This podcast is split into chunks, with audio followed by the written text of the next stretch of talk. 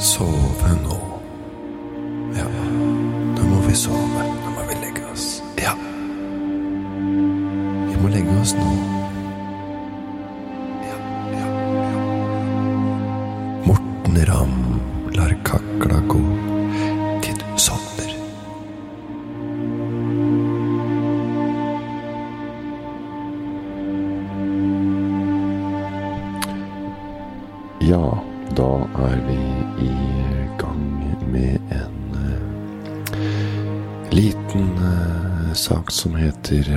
Morten Ramm lar kakla gå. Det er jo en eh, stund siden jeg la ut noe sist, men det har gått i et, et staka kjør for, eh, for meg også.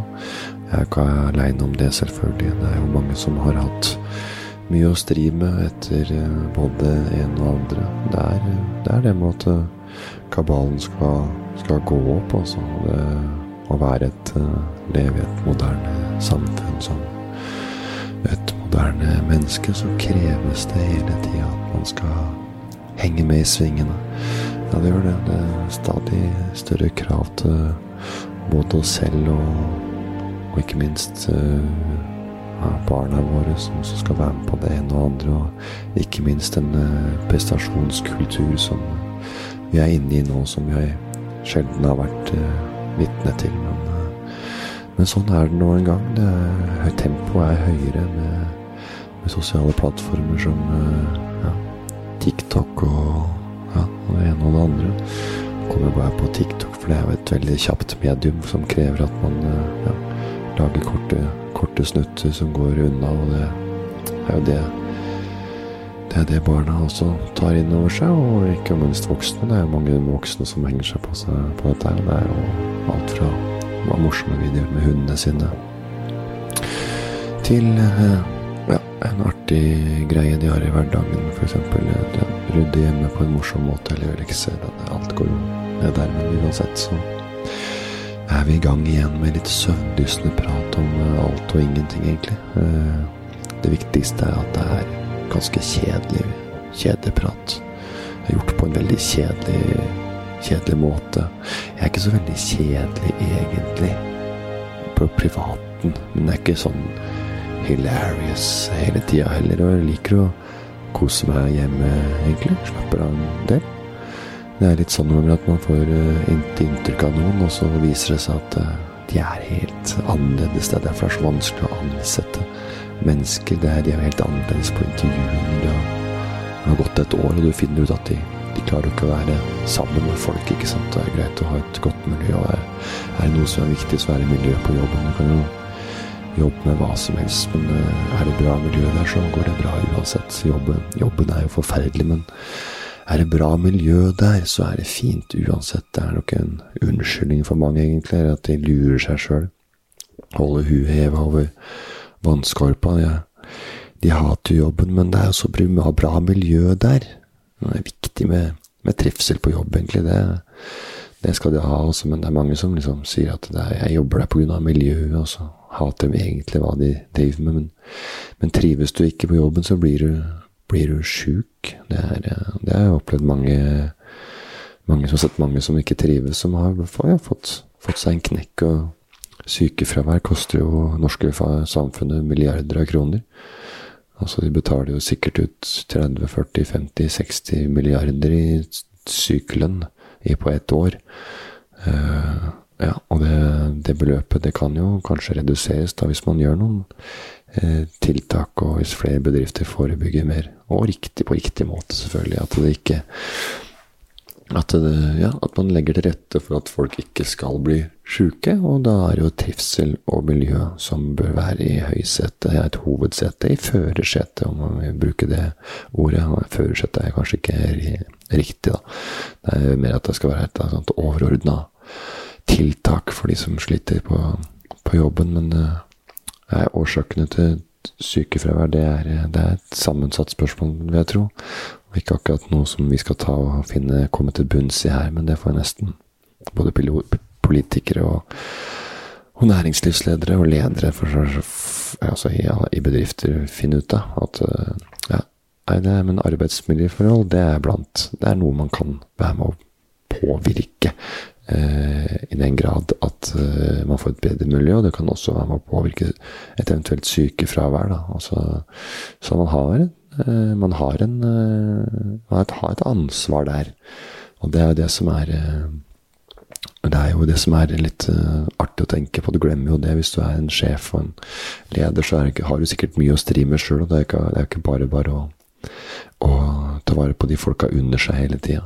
Eh, jo, Det koker jo sjøl, og samtidig skal du skape et miljø, og du skal ha vinlotteri på fredagen, og du skal ha tombola på torsdag, og på lørdag skal folk møtes til en lunsj, og julebordet passer jo aldri. Det, det blir jo så mye av dette. Det er jo helt sinnssykt. Ja, det er eh, Nei, nei, nei, men det er muligheter for at uh, sykefravær kan komme ned, så det er jo ikke noe uh, det er, noe, det er jo ingen som blir eksponert for veldig sånne dårlige innemiljøer. Jo, det kan hende, men veldig sånn farlige stoffer på samlebånd og lager og sånn, som utgjør en sånn risikofaktor for sykefravær. Det er, det er det sosiale ofte. Vi utsettes for mer, mer diffuse påkjenninger nå til dags som ikke vi klarer helt å gjøre rede for eller komme til, komme til bunns i. Men mange vil jo ha, ha gleden og litt bedre liv, selvfølgelig, men det, ja, nei, det er ikke lett å finne ut hva som er uh, ligger bak eh, det høye sykefraværet som vi har gjennom et helt år her i Norge. Det er jo selvfølgelig mange som trives også. Det er jo sikkert Jeg veit ikke. Fingeren i lufta 70-80 90% som sikkert trives på jobben. Også, men det, så det, det, er ikke, det, er ikke, nødvendigvis at det er sånn at trivsel og, og jobbengasjement er eh, assosiert med noe, eh, noe risiko for at du skal bli sjuke. Altså fiskere, f.eks. Eh, de trives jo veldig bra i jobben sin. Ofte en livsstil å være fisker, f.eks. i en sånn type arbeid. Så er, de, er, eh, er trives best i jobbene sine, de som liksom, de er født og oppvokst, liker det de driver med. Det er en del av eh, lifestylen deres. Eh, men de har jo også mange, hva skal jeg si, eh, yrkes, eh, mange yrkesrelaterte eksponeringer, eksponeringer som er eh, høy risiko for å bli eh, sjuke. Altså du er jo ute i sjø. Eh, det kan være bølger, det kan være vær, vind. Altså det er mye som gjør at de kan eh, ha en høyere, høyere risiko for å bli, eh, få en eller annen slags sykdom eller ødelegge seg på en eller annen måte. Fordi ja, de er der ute i utrygt farvann, for å si det sånn. Skal ikke gå, helt, gå helt tilbake til uh, Kjuttaviga og Kaptein Sabeltanns rike her, men, uh, men, det, men det, er, det, er, ikke bare bare å snakke om. Det tror jeg jeg har prata om før også, for det er jo et uh, Der er det bare å klippe hull i plånboken, altså. For det er noe med du setter en døra beinet inn i den døra parken der, så skal du ha en, eh, kjøpe en gullmynt, så koster jo en gullmynten 129 eh, kroner. Og så en eh, pizza med noe Norvegia-ost og noen skinkebiter som Eller på noe, en, big, big, one som de har revet av pappen og lagd Kjuttaviga på isteden. Så ærlig, ta en, er fort 220 kroner for den. Med, så det er, det er et ordentlig amerikanisert uh, pengemaskin blitt. Den uh, den derre dyreparken, men uh, håper den uh, overlever pandemien, den er også, uansett. Nå hører jo at kakla har begynt å gå igjen. Eller at uh, ja, smella går, eller, eller smella, la, la, smella fare, som noen sier. Det er ganske mange, det er ganske mange synonymer for både kakla å gå, egentlig. Som uh, denne podkasten i teorien kunne hett. Altså Morten Ramla, kjefta mange rusle, hadde vært den. Kunne vært en kul La kjefta mange rusle. Morten Dang Ramla, smella fare. Eh, som jeg sa. Eh, Morten Ramla, brødhullet vandre, kunne vært den. Eh, ja, eller nei, det kunne det ikke hett, for det høres nesten ut som kjeften min har daua, men uh, at den skulle vandre, liksom. At den har vandra hen. Uh, og det er den jo ikke, som dere hører. Den lever i beste velgående, og den uh, Ja, nei, men Morten Ramla skravla, skravla spasere. At det er et roligere tempo. Ja, det kunne vært noe. Ja. Kunne fortsatt ganske lenge om hva podkasten kunne ha hett, som om den skulle hete samme, hatt samme betydning i tittelen, men bare med litt andre ord. Men det skal jeg ikke. Det er nesten for kjedelig. Hmm. Ja. Ja, du har uansett eh, en liten kjedelig Ikke bare vanlig kjedelig, en dritkjedelig og times tid foran deg, tenker jeg. Uh, nå har jeg prata allerede i ti minutter, sikkert. Da så jeg på, faktisk på klokka. Det begynte å gå ti minutter. Det er utrolig å få fylt, fylt ti minutter med, altså. Det er mye mye drit man kan få prata om på ti minutter. Jeg husker ikke engang jeg har vært inne på jo sykefravær. Sykefravær. Men jeg får se. Jeg beholder på, i hvert fall, så får jeg se hvor lenge jeg gidder. Men det blir ikke så kjedelig. Det er litt dumt om folk sovner etter tre minutter. Det er nesten poengløst å lage nesten en time. Så det er hyggelig at noen er med litt, men for all del, velg sjæl når det er natt i natt. Jeg veit faktisk ikke når jeg håper dere sovner. Altså, kanskje midtveis en eller gang. Jeg har ikke tenkt så mye på akkurat når i sendinga. Det er best at folk sovner. det det burde jeg kanskje gjort, men det, det har jeg altså ikke tenkt på. Og hvis du har sovna allerede nå, så kanskje du kan spole tilbake og høre på dette om igjen. Jeg veit ikke hvordan folks uh, søvnrutiner eller podkastvaner er, for alle er jo uh, forskjellige, og tilgangen til, til, til mediepodkast er jo tilgjengelig 24-7, og det finnes jo ikke en podkast ikke er laga noe på også. Ja, det er i hvert fall et lite eh, tankearbeid som ligger bak dagens episode. Det er det. det er, jeg satser på at den gamle oppskriften med bare å la kakla gå funker, og det har vært få klager på at podkasten har vært så spennende, på at folk har holdt seg våkne gjennom hele hittil. Så er det kanskje et tegn på at oppskriften fungerer. Den fungerer, som de sier i serie. Den fungerer kan du begynne å snakke om noe kjedelig som det svenske språket, f.eks. Det er ikke for meg veldig vanskelig å dra dere inn i en søvndyssende en verbal valium eh, om svensk språk. De har jo masse ord i Sverige som ligner litt på de vi har i Norge. Eh, fungerer på norsk er jo fungerer, fungerer, fungerer på svenske. Og ofte så holder det å bytte ut én bokstav eller en ending, så får du et svensk ord. Drukne heter det på norsk. Drunkne på svensk er ganske likt. Fødom, fødom på svensk. Fordom på norsk. Bare bytta ut O med, o med tødler. Så det er jo fotball, for eksempel. Fotball. Kungen. Kongen. Dronningen heter drottningen. Det er bare sånne små ting som Allikevel så skjønner ikke mange borte i Stockholm egentlig hva vi sier ofte. De forstår ikke hva vi snakker om, så er det bare sånne små forskjeller. Drottningen og dronningen. Bort med den ene enden inn eh, i det norske, inn og så plutselig så har du et svensk ord. Drottningen, dronningen. Jeg skjønner ikke helt hvorfor de gjorde det, eh, hva som har skjedd på veien. Men sånn er det med ganske mange ord. Mange ord mange, mange. Ja, da ble mange en A. Det ble bare en, en liten runding, en Å, istedenfor A i mange. Mange. Og så har du selvfølgelig hun som er helt ulike, da. Det, er, det heter én ting på norsk og noe helt annet på svensk. Og så, så sånn sett så her finnes det jo en haug med ord som ikke er likt i det hele tatt. Vindu kan sikkert de fleste på svensk. Fønster heter det. Fønster heter det på svensk. Det er ganske ulikt. Det hadde jeg ikke ja. Hadde jeg ikke visst det svenske ord for vindu, hadde jeg tenkt å, det heter sikkert fønster.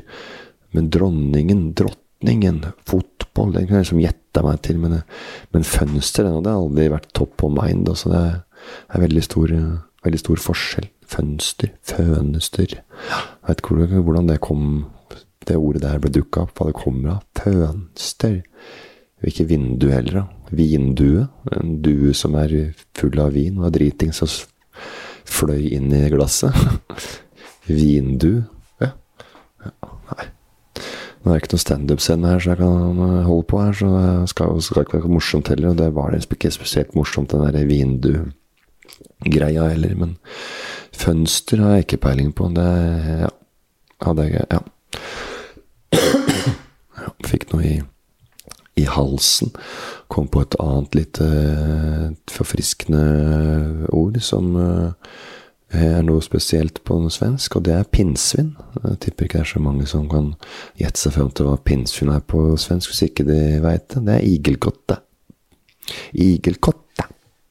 Eller igelkotte. Jeg husker ikke helt. Flikka kan jo alle, men det er jente. Selv om alle kan så alle, altså alle kan det, så er det jo veldig ulike ord, da. Ole, Dole og Doffen, for eksempel. Det heter knette, fnatte og kjette.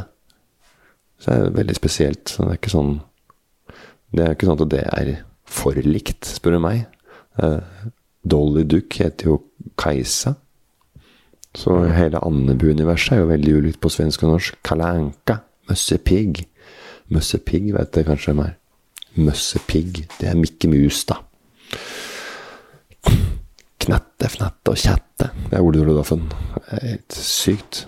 Det er, det er liksom bare noen timer kjøring fra her jeg er, da, i hvert fall. Så, så er det så ulikt. Så er det noen ting som faktisk er helt likt på både svensk og norsk.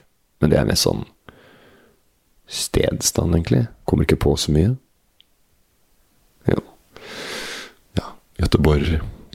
Stockholm, for det er landet det heter, og det heter jo samme på norsk også. Saltkråkan. Helt likt på svensk og norsk. Jeg vet ikke om alle husker Saltkråka, men det var en sånn serie fra den der svenske skjærgården med Tjorven og Færbror og farbror Melker og sånne. Tjorven uh, hadde jo en bikkje som het uh, Botsmann, blant annet. Det var en sånn svær Sankt Bernhardshund. Husker faktisk ikke så mye av hva som skjedde i selve serien. Jeg prøvde å google Saltkråkan pluss historie her om dagen. Jeg fant ingenting. Jeg vet ikke hvorfor jeg googla det, men det er derfor jeg kom på det nå, sikkert. Uh, i hvert fall ingenting av særlig interesse. Det var en som het Jens Andersen, som jeg noterte meg, som jeg skrev ned på mobilen. Eh, ikke spør meg hvem faen han er, men For jeg har virkelig ikke peiling, jeg har ingen aning på hvem han Jens Andersen er. Men han skrev en tekst om Saltkråkan som jeg skal lese opp, som jeg tenkte var litt kjedelig. Skal jeg bare finne frem den? Jens Andersen Salt Skal vi se Da var det det her. Der har vi den teksten der. Saltkråkan. Nå leser jeg teksten til Jens Andersen. Den balsameffekten naturen alltid hadde på bymennesket, Astrid Lindgren, lot hun Stockholm-familien Melkerson kjenne på kropp og sjel i Vi på Saltkråkan.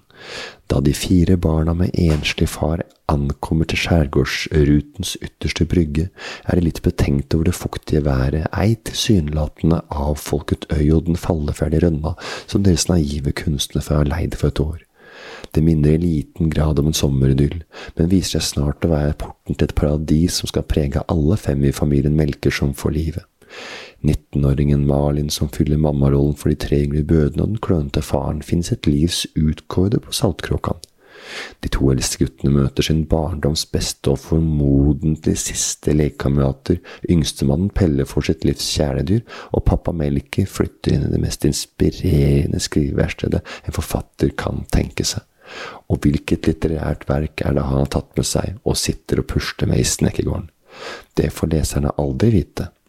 Kanskje en roman om det lykkelige livet på ei lita øy i skjærgården, der en morløs familie finner tilbake til livets kilde, og mennesker og dyr omgås naturlig og fritt. Det er i hvert fall det Astrid Lindgren forestilte seg.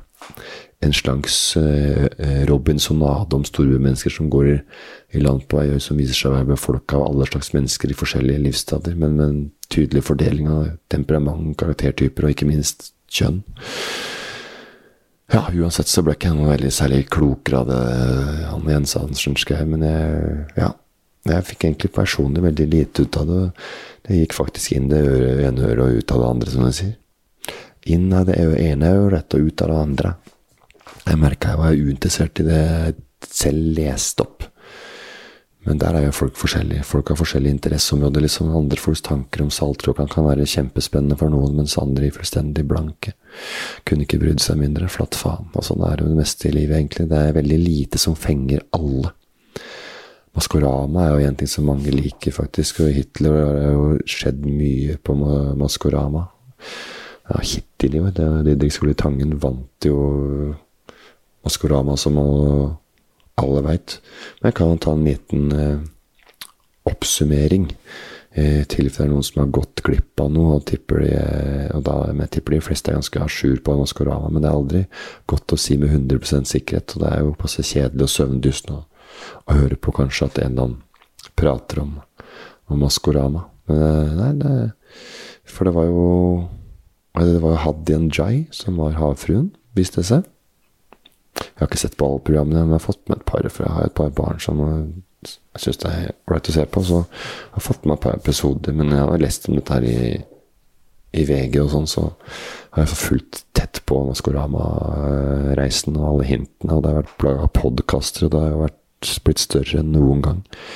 NRK de, de klapper seg på skulderen av Maskorama, men det er vel bare et kjøpt konsept som har vært i 50 land før, så det var en ganske trygg trygg satsing. Så det er ikke akkurat sånn at de som lager Maskorama i morgen, har funnet på noe nytt. Men det har tatt veldig av. Fint at det var godt kjøp, kan vi si. Det var et veldig godt kjøp.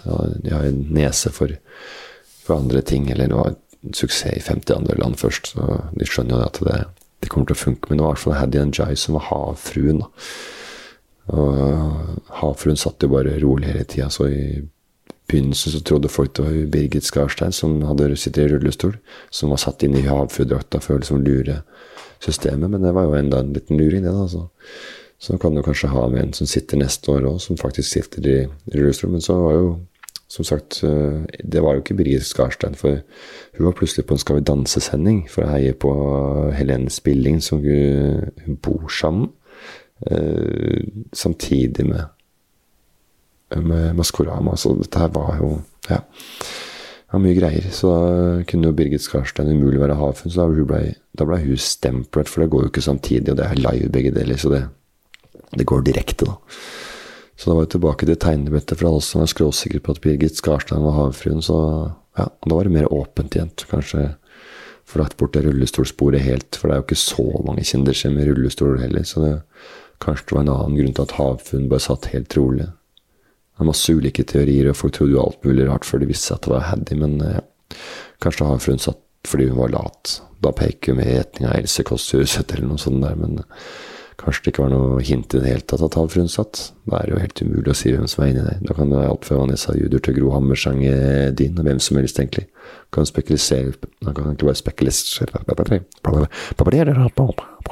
Man kan jo spekulere seg i hjel av de hinta han får. Spekulere var det ordet jeg ikke Som jeg drev og somla med inni munnen. Så, sånn er det.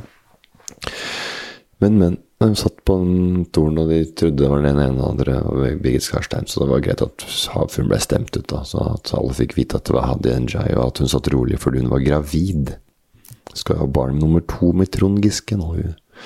Det er jo egentlig ganske sport å stille opp i Maskarama når du er såpass gravid. Det må koste litt. Det var så den var fin. Og så var det Arve Juritzen som var frosken.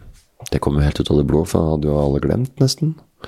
Ingen som hadde barna mine hadde ikke peiling på hvem Arve Juritzen var. Nesten litt rart at de slipper til folk det er såpass lenge siden som har vært i vinden. Jeg skjønner at de må fylle opp med folk og mange kjendiser som takker nei og sånne ting, men Arve Juritzen, det er på grensa til dårlig gjort uansett. Det er Abid Raja var nissen, den er grei nok, han selger jo bøker så det synger etter, utsolgt på alle arkene i hele byen her. Han ja, sånn er det når du har en historie som fenger folk, da. Så er det en mann av, mann av folket. Så det, sånn er jo det. Og Så er Kristian Ringnes enda en fyr som folk flest under 20 år ikke har så stor peiling på hvem er. Eller under 30, kanskje. Eh, jeg snakker bare for meg sjøl, jeg veit jo veldig godt hvem det er. Men jeg er jo noen år eldre enn men de som er, det som er målgruppa på Maskorama, eller nå er målgruppa sikkert både barn og voksne også, men det er jo veldig vanskelig når du skal engasjere barn. Og så er det Kristian Ringnes som uh, hopper ut av drakta og nærmest tar et uh, splitt opp rett opp ned i kista når han er ferdig. Men ja, det var ikke noe gøy å spøke med. Men han er jo litt gammel. Han er gammel til å være med på det programmet, syns jeg. Men uh, sånn sånn er det meg.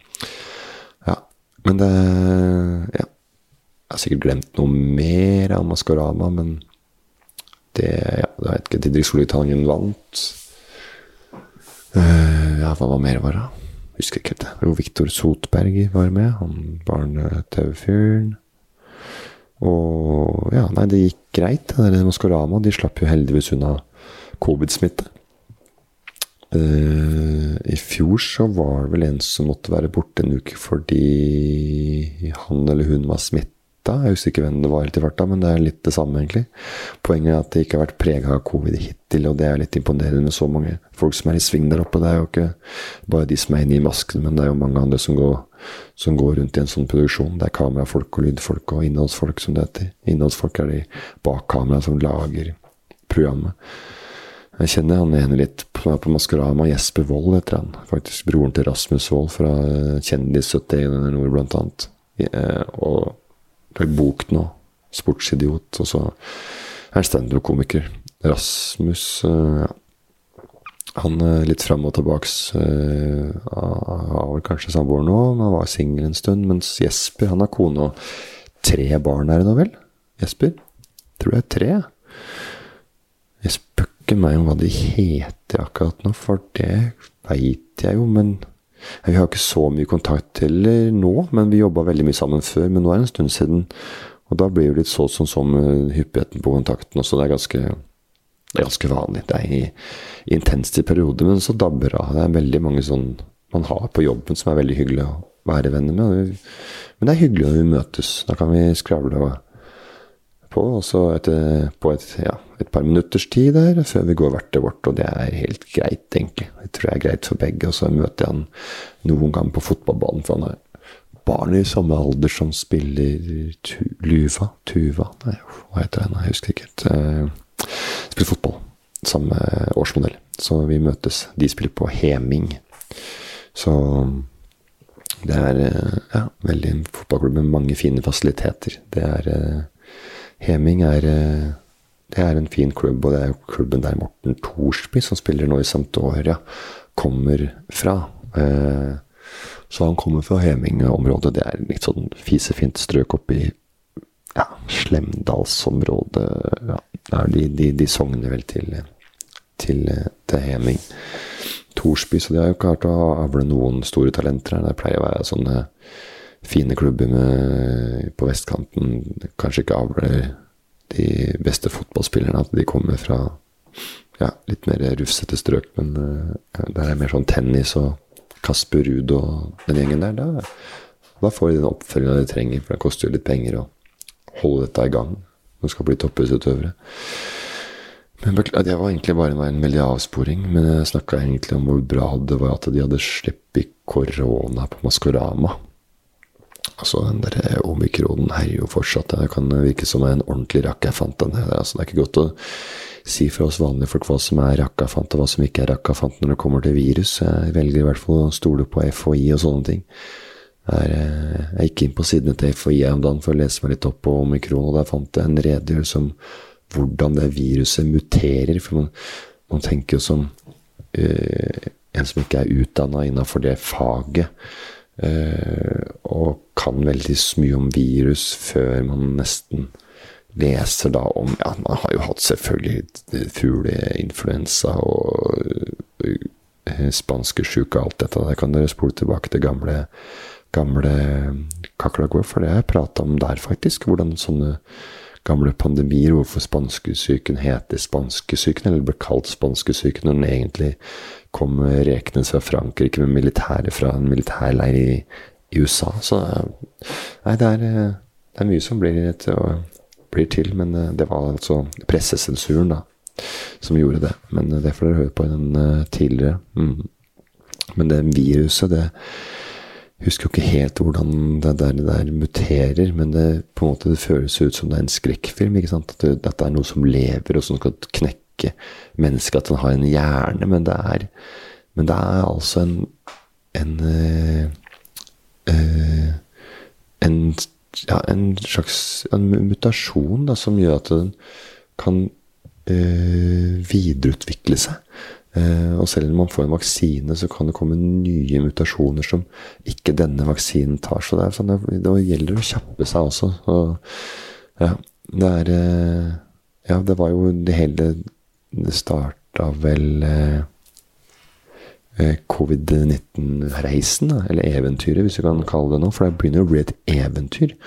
For alle eventyr er jo ikke hyggelige. Det er mange eventyr som handler om noe som er guffent. Uh, men som er, er, kanskje ikke et eventyr, men det var i hvert fall en stor, stor begivenhet uh, i, i, i, verden. Uh, og det kommer til å bli en, noe som blir snakka om i mange, mange, mange hundre år fremover.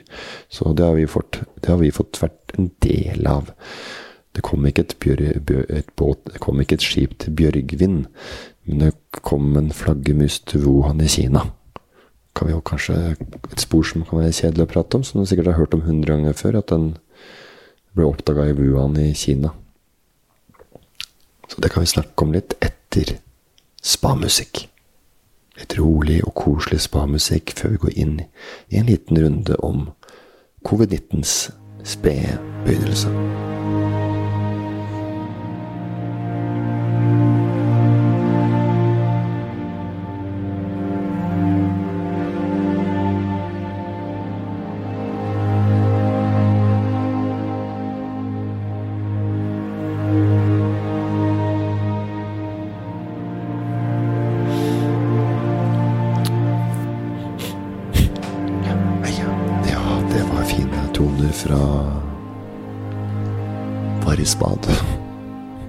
Son eller Britannia hotell. Fantastisk hotell. Unnskyld. Fantastisk hotell. Britannia hotell er vel det beste hotellet vi får i Norge i, uh, i den, Ja, det vil jeg tro. Også sånn i forhold til eh, standard. Det er jo Hadde du bodd i et kommet et sånt hotell i Frankrike, New York, i Spania, i USA, altså hvor som helst i hele verden, og kommet til Britannia, så hadde det vært i en storby så hadde du vært fornøyd. Det er eh, fantastiske fasiliteter og til Det er ganske dyrt, for, men ikke til, den, ikke til, den, standarden som du får. Så hadde dette hotellet vært i et annet by, så hadde, kan du doble på den prisen, tror jeg. Eh, for å få de fasilitetene som de tilbyr på Britannia, med eh, flere restauranter, spadeling, basseng, steambad, kald kulp, bar. Eh, masse fine rom med speil og, og eh, ikke minst skjermer.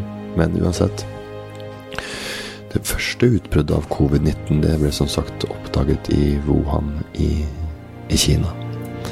Og det var, det var, jo mange som tenker at vi som i Norge fikk dette her i 2020, altså i mars. 12.-13. mars var vel den stygge datoen hvor folk måtte ble jagd hjem fra hytta, og Herman Flesvig hadde bursdag på på en eller annen slags eh, en seter oppe i et eller annet sted med køddende briller på huet og det ene og det andre. Så det første utbruddet av covid-19 ble oppdaga i Wuhan i Kina, og det var i 2019. Det er derfor etter covid-19. Eh, det hadde vært veldig spesielt. Men det, det tror jeg altså ikke det er Eller er det det?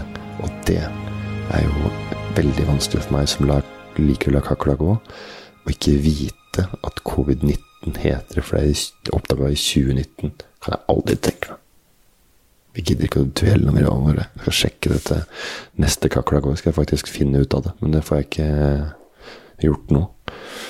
For når jeg tar opp lyden her nå med en mikrofon oppe på mobilen min med en sånn handyrack zoom, som jeg har på flymodus. Så da blir det vanskelig. Så ja. Nei, det I hvert fall var det i desember 2019, og, og det sprang fra dyr til mennesker. Det skjedde ikke trolig bare få uker eller måneder før dette, så det var sikkert noen Ja. ja så denne SARS-viruset har vel da sannsynligvis sirkulert blant mennesker i, i, bare rundt to år. Det kan, det kan liksom bety at viruset fortsatt ikke er eh, tilpassa mennesker. At vi sliter med dette. Og det, jeg sa jo at jeg hadde lest noe om eh, viruset. Eh, og det har jeg også gjort. Jeg har notert noe av det på et lite ark her. Eh, og det koronavirusets arvestoff er RNA. Det er en genetisk kode med Ja, altså det er oppskrifta for aminosyrer, som er byggesteinene i virusets proteiner. Og ved infeksjon kopieres koden over i mange nye virus. Da kan det skje feil, eh, mutasjoner, ved at noen, og bokstavene byttes ut. At ikke, du må ikke prøve å forstå det hvis ikke du har studert dette. For at det, det er De byttes ut, det faller bort, eller settes inn eh, nye. Og noen av disse endringene er, eh, er stille. At det ikke fører til noen aminosyreendringer. Så andre kan gi endringer i aminosyrene, og dermed i proteinene. Så dette kan igjen endre virus egenskaper. Altså at den, den kan, den kan opp, oppleves er å endre seg. Og eh, da proteiner som immunsystemet reagerer på, eh, er jo antigener. Og de fleste endringer i viruset fører til endringer som gjør viruset mindre tilpasningsdyktig. Sånn dør viruset ut. Altså Noen endringer har ingen virkning på tilpasningsdyktigheten eller forbedreren, men slike varianter vil kunne vinne kampen om overlevelsen og etter hvert ta over. Så man må gjøre mennesket øh, øh, rusta mot øh, viruset. Men etter hvert så blir det, skal vi bli immune mot et virus. Så da må du ha en Jeg har fått en, en infeksjon eller en vaksinasjon. Og da vil jo virusvanter som, som inngår denne, i denne delen av, eller deler av denne immuniteten, ha en, ha en fordel. Det, oppstår en, en seleksjonsprosess, og dermed øke sannsynligheten for at varianter som i mindre grad påvirkes av etablert immunitet, får bedre spillerom og får dominere. Det har jeg skrevet ned, men jeg har ikke skrevet ned alt. Så jeg prøver å forstå det mens jeg leser det. Men det er i hvert fall en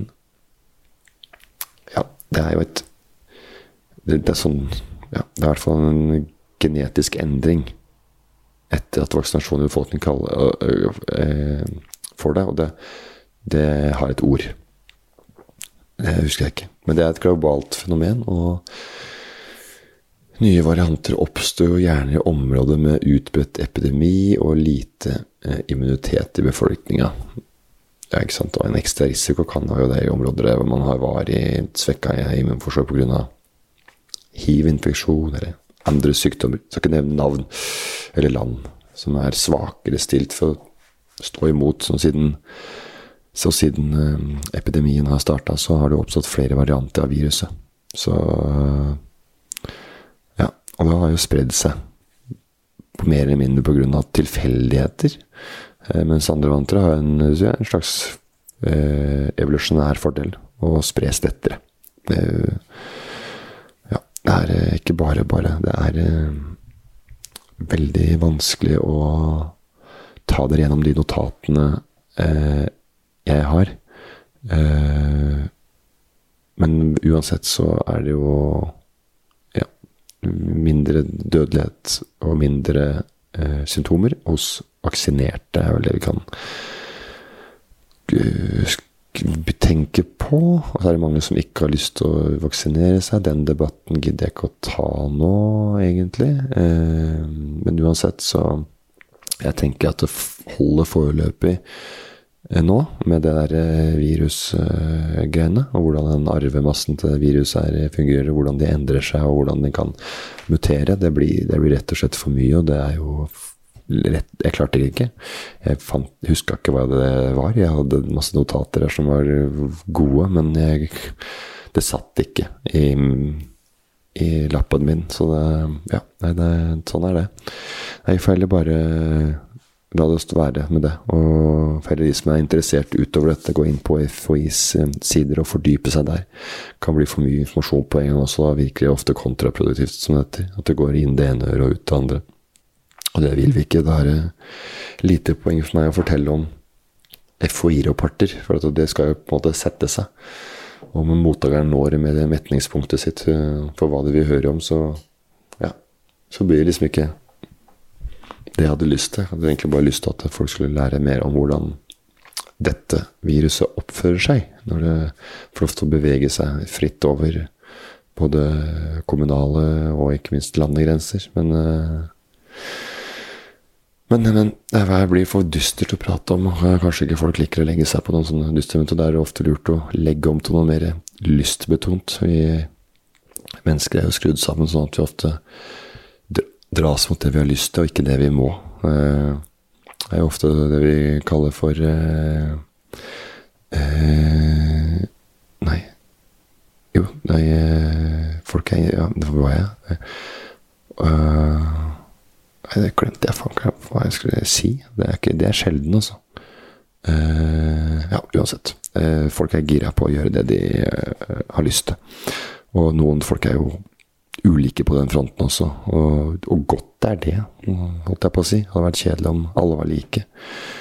Eller jeg bare sa noe, egentlig. Det er jo ofte bare man sier noe for å fylle tomrom, og det, det, er, ja, det er godt at folk er forskjellige, ellers så hadde det blitt kjedelig. Jeg er veldig sånn Man sier uten å tenke så veldig mye over det man faktisk sier. Jeg var liksom ferdig med det derre omikron-greiene, og så visste jeg ikke helt hvor jeg skulle gå etter det. Så la jeg en masse tomprat og rundet av tomprat, men det er godt for folk at folk er forskjellige. Så hadde det blitt kjedelig som en slags avrunding selve, for selve tompraten. Så jeg sier ikke at det er genialt, men min erfaring er at det er bedre enn total stillhet. Det kan være litt kjedelig eller tystnad, som de sier på den andre sida av kjølen. andre sida av kjølen er også sånn man sier når man prater om Sverige. og vi bruker en annen teknologi enn selve navnet. Det er morsomt. Jeg snakka mye om Sverige i begynnelsen her, og da brukte jeg mye navn. Og, mm. Så jeg sa selv ordet Sverige mye. Da blir det en viss slitasje på ordet. Så når jeg nå da skulle oppsummere litt og hente inn et svensk ord igjen, så valgte jeg da andre sida av kjølen for litt variasjon i, i språket. Ikke at jeg tror nå hadde reagerte veldig på om jeg hadde brukt ordet Sverige, men det er mest for min egen del, egentlig. Jeg, selv om det ikke er noe høyintellektuell podkast som stiller store krav til språkbruk, så er det greit at jeg går ut herfra etter endt sending og tenker at jeg har levert på et visst nivå og gitt et ålreit produkt, eh, og sitter igjen med en god eh, ja, en totalvurdering når du våkner opp dagen etter og skal kanskje anbefale podkasten videre. Ja, da har jeg variert litt med språket og prøvd å servere noe som ikke bare er rein tidtrøtt, og for det som du hører på, at det har vært noen uh, verbale krumspring for uh, den der lille sneglen inni øra deres. Eller, ja, det er jo uansett lett å undervurdere variasjon i språket, men det, det er viktig. Det er jo uh, er jo noe de har fokus på allerede fra barnehagealder, rett, rett og slett for å få bedre språkutvikling hos, hos barn. Jeg, jeg fant uh, en side om, om, uh, om, dette her, hvordan de brukes pedagogisk i, i barnehage. Og det er samtaler om språk, altså det, Hvordan det kan være og med å utvikle barnas språklige bevissthet fra tidlig alder. Og språklig bevissthet er jo uh, knytta til både til Unnskyld, de minste uh, lydene. Uh, som R, og ruller og r, og så bevissthet uh, på forskjellige typer språk. At det finnes forskjellige språk. og så er det da å bruke dette som et verktøy, en, en, en kasse, en redskapskasse for kommunikasjon og hvordan du skal samarbeide med, med andre. Og, barn, og barnet de erfarer jo ofte at Eh, at barn, altså barnehagepersonale, foreldre og besteforeldre, bruker ulike varianter av, av, språket vårt, og dette oppfatter jo barn. Uh, hvorfor sier du 'ikke' når jeg sier 'ikke', eller uh, Ja, sånne ting. Mm. Eller diss Rond ja, Masse sånn. Ikke sant? Du kan, mange ord da, som de bruker på dialekter, f.eks. på Sørlandet. Hvorfor snakker du som det? Eh, vi snakker på Sneipen, og sånn og forskjellig. Ja. Og det er jo også, også stille spørsmål til hvorfor vi er annerledes i språket også. Det er jo sånne ting som kan være en uh, invitasjon til samtaler om, om språk. Og er vi faktisk i samme land som vi bor på. Det er ikke sånn at det finnes én rett måte å, å snakke på. Det finnes ikke fine og stygge dialekter, det finnes bare forskjellige dialekter. Det, det er politisk bestemt, at vi, at vi, ønsker å ha mangfold av dialekter i landet vårt. Så dialekten har en verdi i seg selv, og dette er, dette er som det er. Det er, det er skrevet ned, det. Så ja, det å synliggjøre dialektmangfoldet, det det det er jo en politikk som ligger der. Det er jo ofte f.eks. som programleder for NRK, NRK Super. Det er jo eh, De representerer jo flere dialekter, og saker på NRK Nett det er jo ofte Det er jo mer eh, nord, nynorsk Nordnorsk, nordnorsk også. Nynorsk der enn man finner andre på andre nyhetskanaler, f.eks. Så de har jo en plikt til å følge opp det staten og regjering og politikken sier at man skal gjøre. Så er det jo sånn at folk kommer seg rundt. Folk flytter jo selvfølgelig også rundt i hele landet. Mye mer enn de gjorde for 100 år siden. Og der er det ofte brukt de ulike dialekter i familier. Altså I en trebarnsfamilie i Oslo så kommer f.eks. en far fra Klæbu i Trøndelag og en bor fra Sandnes i Rogaland. Og så det barnas språklæring påvirkes av de, ja, de språka de har rundt seg. og og barnet som vokser, vokser opp i Oslo, de vokser opp i Oslo, de snakker østlandsdialekt og får en sånn Oslo. Og en, gjerne kanskje en sosiolekt også, for den saks skyld, dersom du eh, bor på et sted hvor det er eh, eh prega eh, an, eh, annerledes uttale på ord enn på østkanten, f.eks. på vestkanten. Så, så Språklæring er, eh, er, veldig viktig de første åra, og de personene som jobber i barnehage og rundt barna de første åra, det har jo mye å si på hva de gjør. Så ja. Så, så vil det jo etter hvert, fra, fra du har barnehagemedarbeidere til, så blir det jo mer venner og ja, jevnaldrende barn som blir viktige. Så, så sånn er det. Det er eh, veldig greit å tenke på at det er At vi er Vi er, vi er forskjellige. We are different. Så det er eh, den derre Det skal man ta som en positiv greie. Det er veldig mange som sier at vi er, vi er forskjellige. Vi er forskjellige alle sammen. Det, og det er, eh, det er så mange sånne sitater som sier noe om at vi er forskjellige. Det er eh, det er så mange sånne uh, greier at vi i det, som, det, det, at vi er Folk er forskjellige. Det er et sosialt krydder, sier folk. Det er liksom, og mange sier sånn Ja, men du, det er forskjell Det er forskjell på folk, og du skal være deg sjøl. Men du kan ikke være deg sjøl. Du må være deg sjøl, men du har også et ansvar for å være litt hyggelig og litt på når du er ute blant folk, f.eks. Eh, hvis du kommer ut og jeg, jeg, var, bare med meg sjøl, ja, men det falt ikke i smak hos noen andre. Og hvis du har en eh, ja, Hvis du bare snakker med en syv nye folk på en sosial uh, gathering eller middag, kickoff-party eller afterwork med litt nye folk og sånn, og du bare er deg sjøl hele tida, og så plutselig så er deg sjøl akkurat som du skulle vært sammen med en kompis, du, en venninne eller hvem som helst, som familiemedlem. Og så sier du ting som du kanskje ikke nødvendigvis pleier å si i større lag, men vi er innafor husets fire vegger. Og så, nei, men jeg, jeg, og så sier andre folk ja, mener du det? Ja, men jeg er bare meg sjæl. Hvis blir det, hvis lager dårlig stemning og ja, Så du må jo tilpasse deg på en eller annen måte, og du har jo en på en måte en liksom, liten kontrakt da, mellom deg og de du skal møte, at uh, vi går inn for å ha det litt hyggelig når vi først skal møtes og har eh, gjort en avtale på en måte nå skal vi spise en middag eller ta et glass vin eller en kaffe for den saks skyld. At nå, nå, sitter vi ikke bare og er oss sjæl hele tida, men vi, vi, vi, prøver å lage en hyggelig stemning. Og ja, selvfølgelig, man trives jo selvfølgelig best sammen med de man hvor man kan være seg sjæl, men det er noen ganger man må stramme inn beltet og, ja, og kneppe opp den øverste knappen, og så ta seg sammen litt, så folk kan Folk kan Folk kan være like deg, og spesielt hvis du er sammen med, med andre. Men det er jo Det er jo mange filmer om om sånne filmer som Laga filmer om dette her. sånn derre Matthew McConney han kunne lese tankene til folk i en, eh, i en film. Uh, og den uh, Da kunne han lese tankene, og det skapte jo trøbbel for han. For da han skulle være, med, være på jobben og så høre om folk som uh, høre folk på jobben lede leste tankene, og det kunne være stygge ting som han hørte. Og det, og det er jo ikke veldig bra å liksom å være hele tida positiv, sånn som for eksempel uh, uh, Yes Man med, med Jim Carrey. Jim Carrey, han uh, Yes Man er jo en film som uh, handler om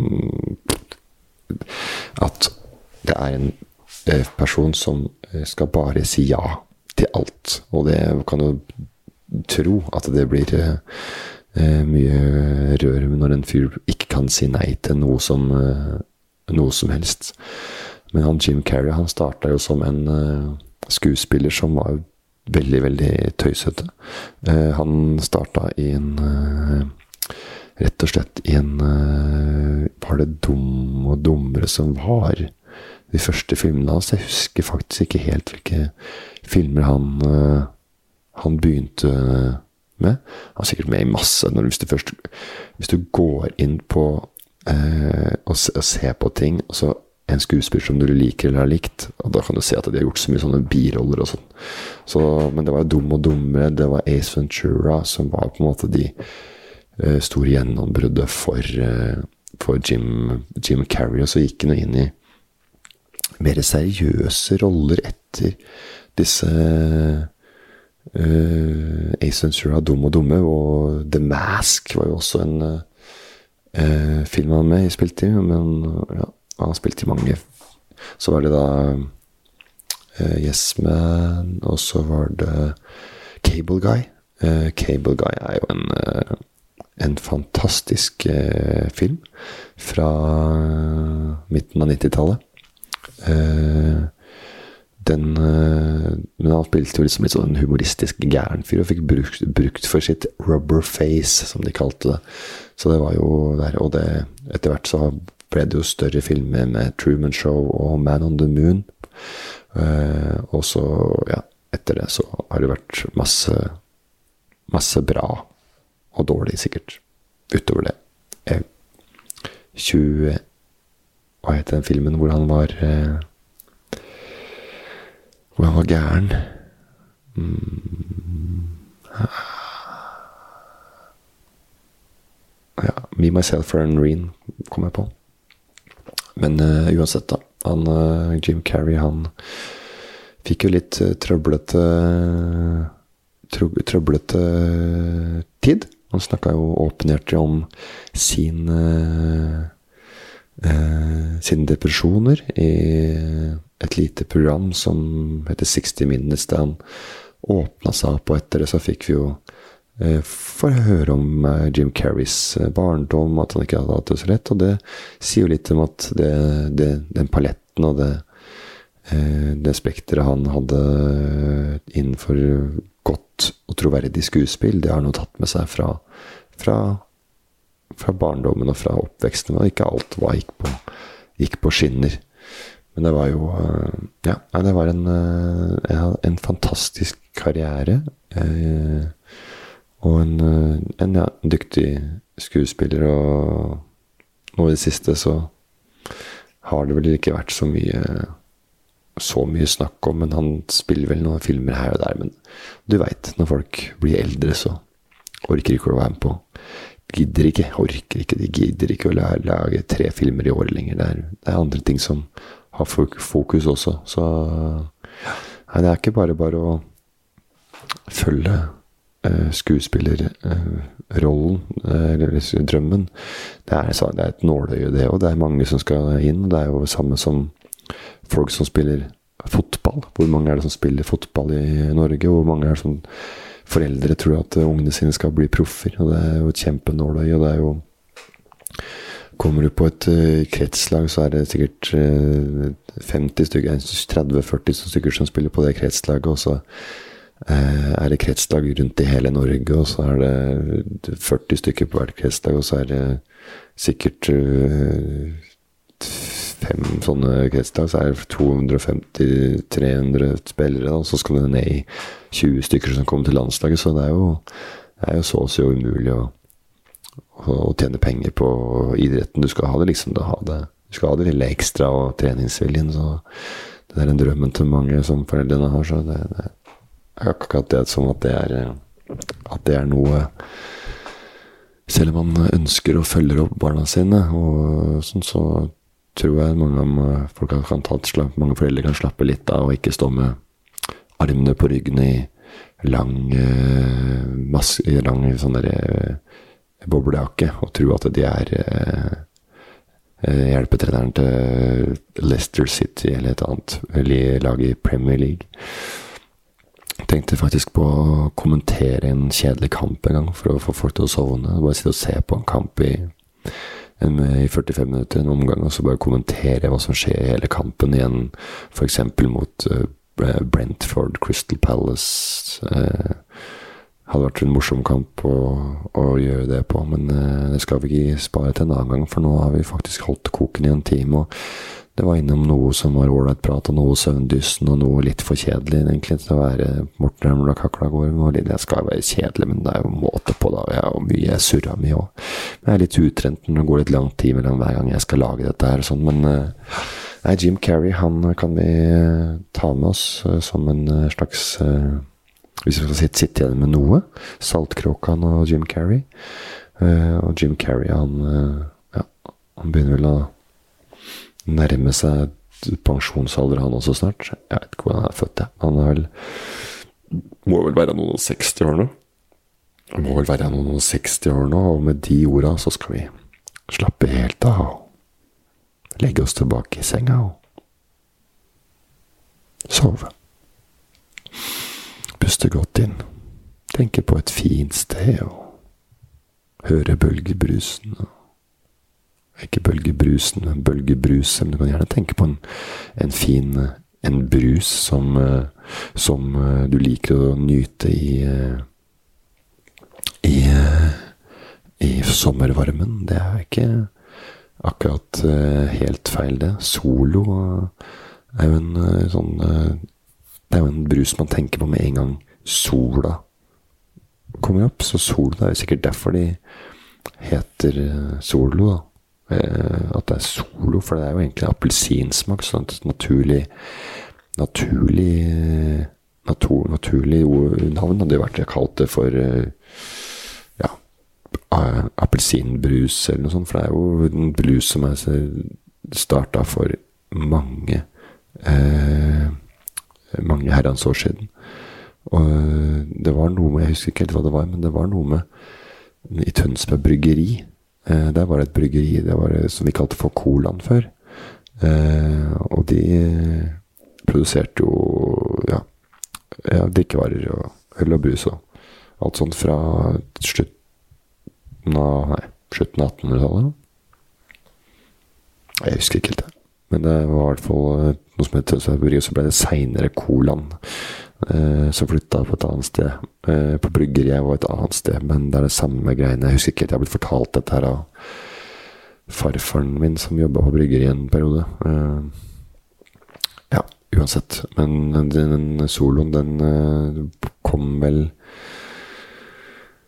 jeg husker ikke helt. Enten så kom den før krigen, eller så kom den på 50-tallet.